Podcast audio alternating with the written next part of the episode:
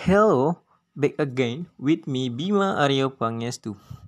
Day by day we have passed text after text. We have also passed from journal assessment 1 to journal assessment 3 I have completed.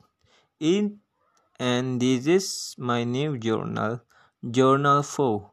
Now here I will tell you about my favorite cartoon. I am how the story goes. Let's listen to the story.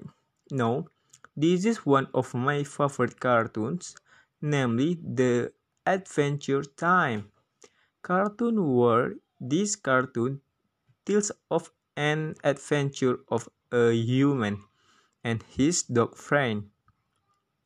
Now, the character is given the name Finn namely he is a human, and his dog is named Jake. This cartoon has various kind of episodes that tell an adventure that is very exciting, very interesting, and the story is not monotonous and not boring for me. I have watched this cartoon since I was in kindergarten when I was 8 years old.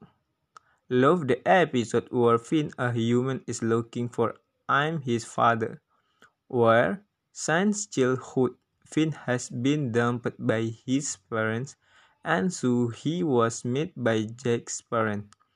And he was raised by Jake's parents who turned out to be a dog will when he grew up, he knew that he was determined to find his parents, but when he was wandering, he met his father and asked his father that his mother was long dead when he was banished. So from that story, I found a new vocabulary, namely drip, which means dripping.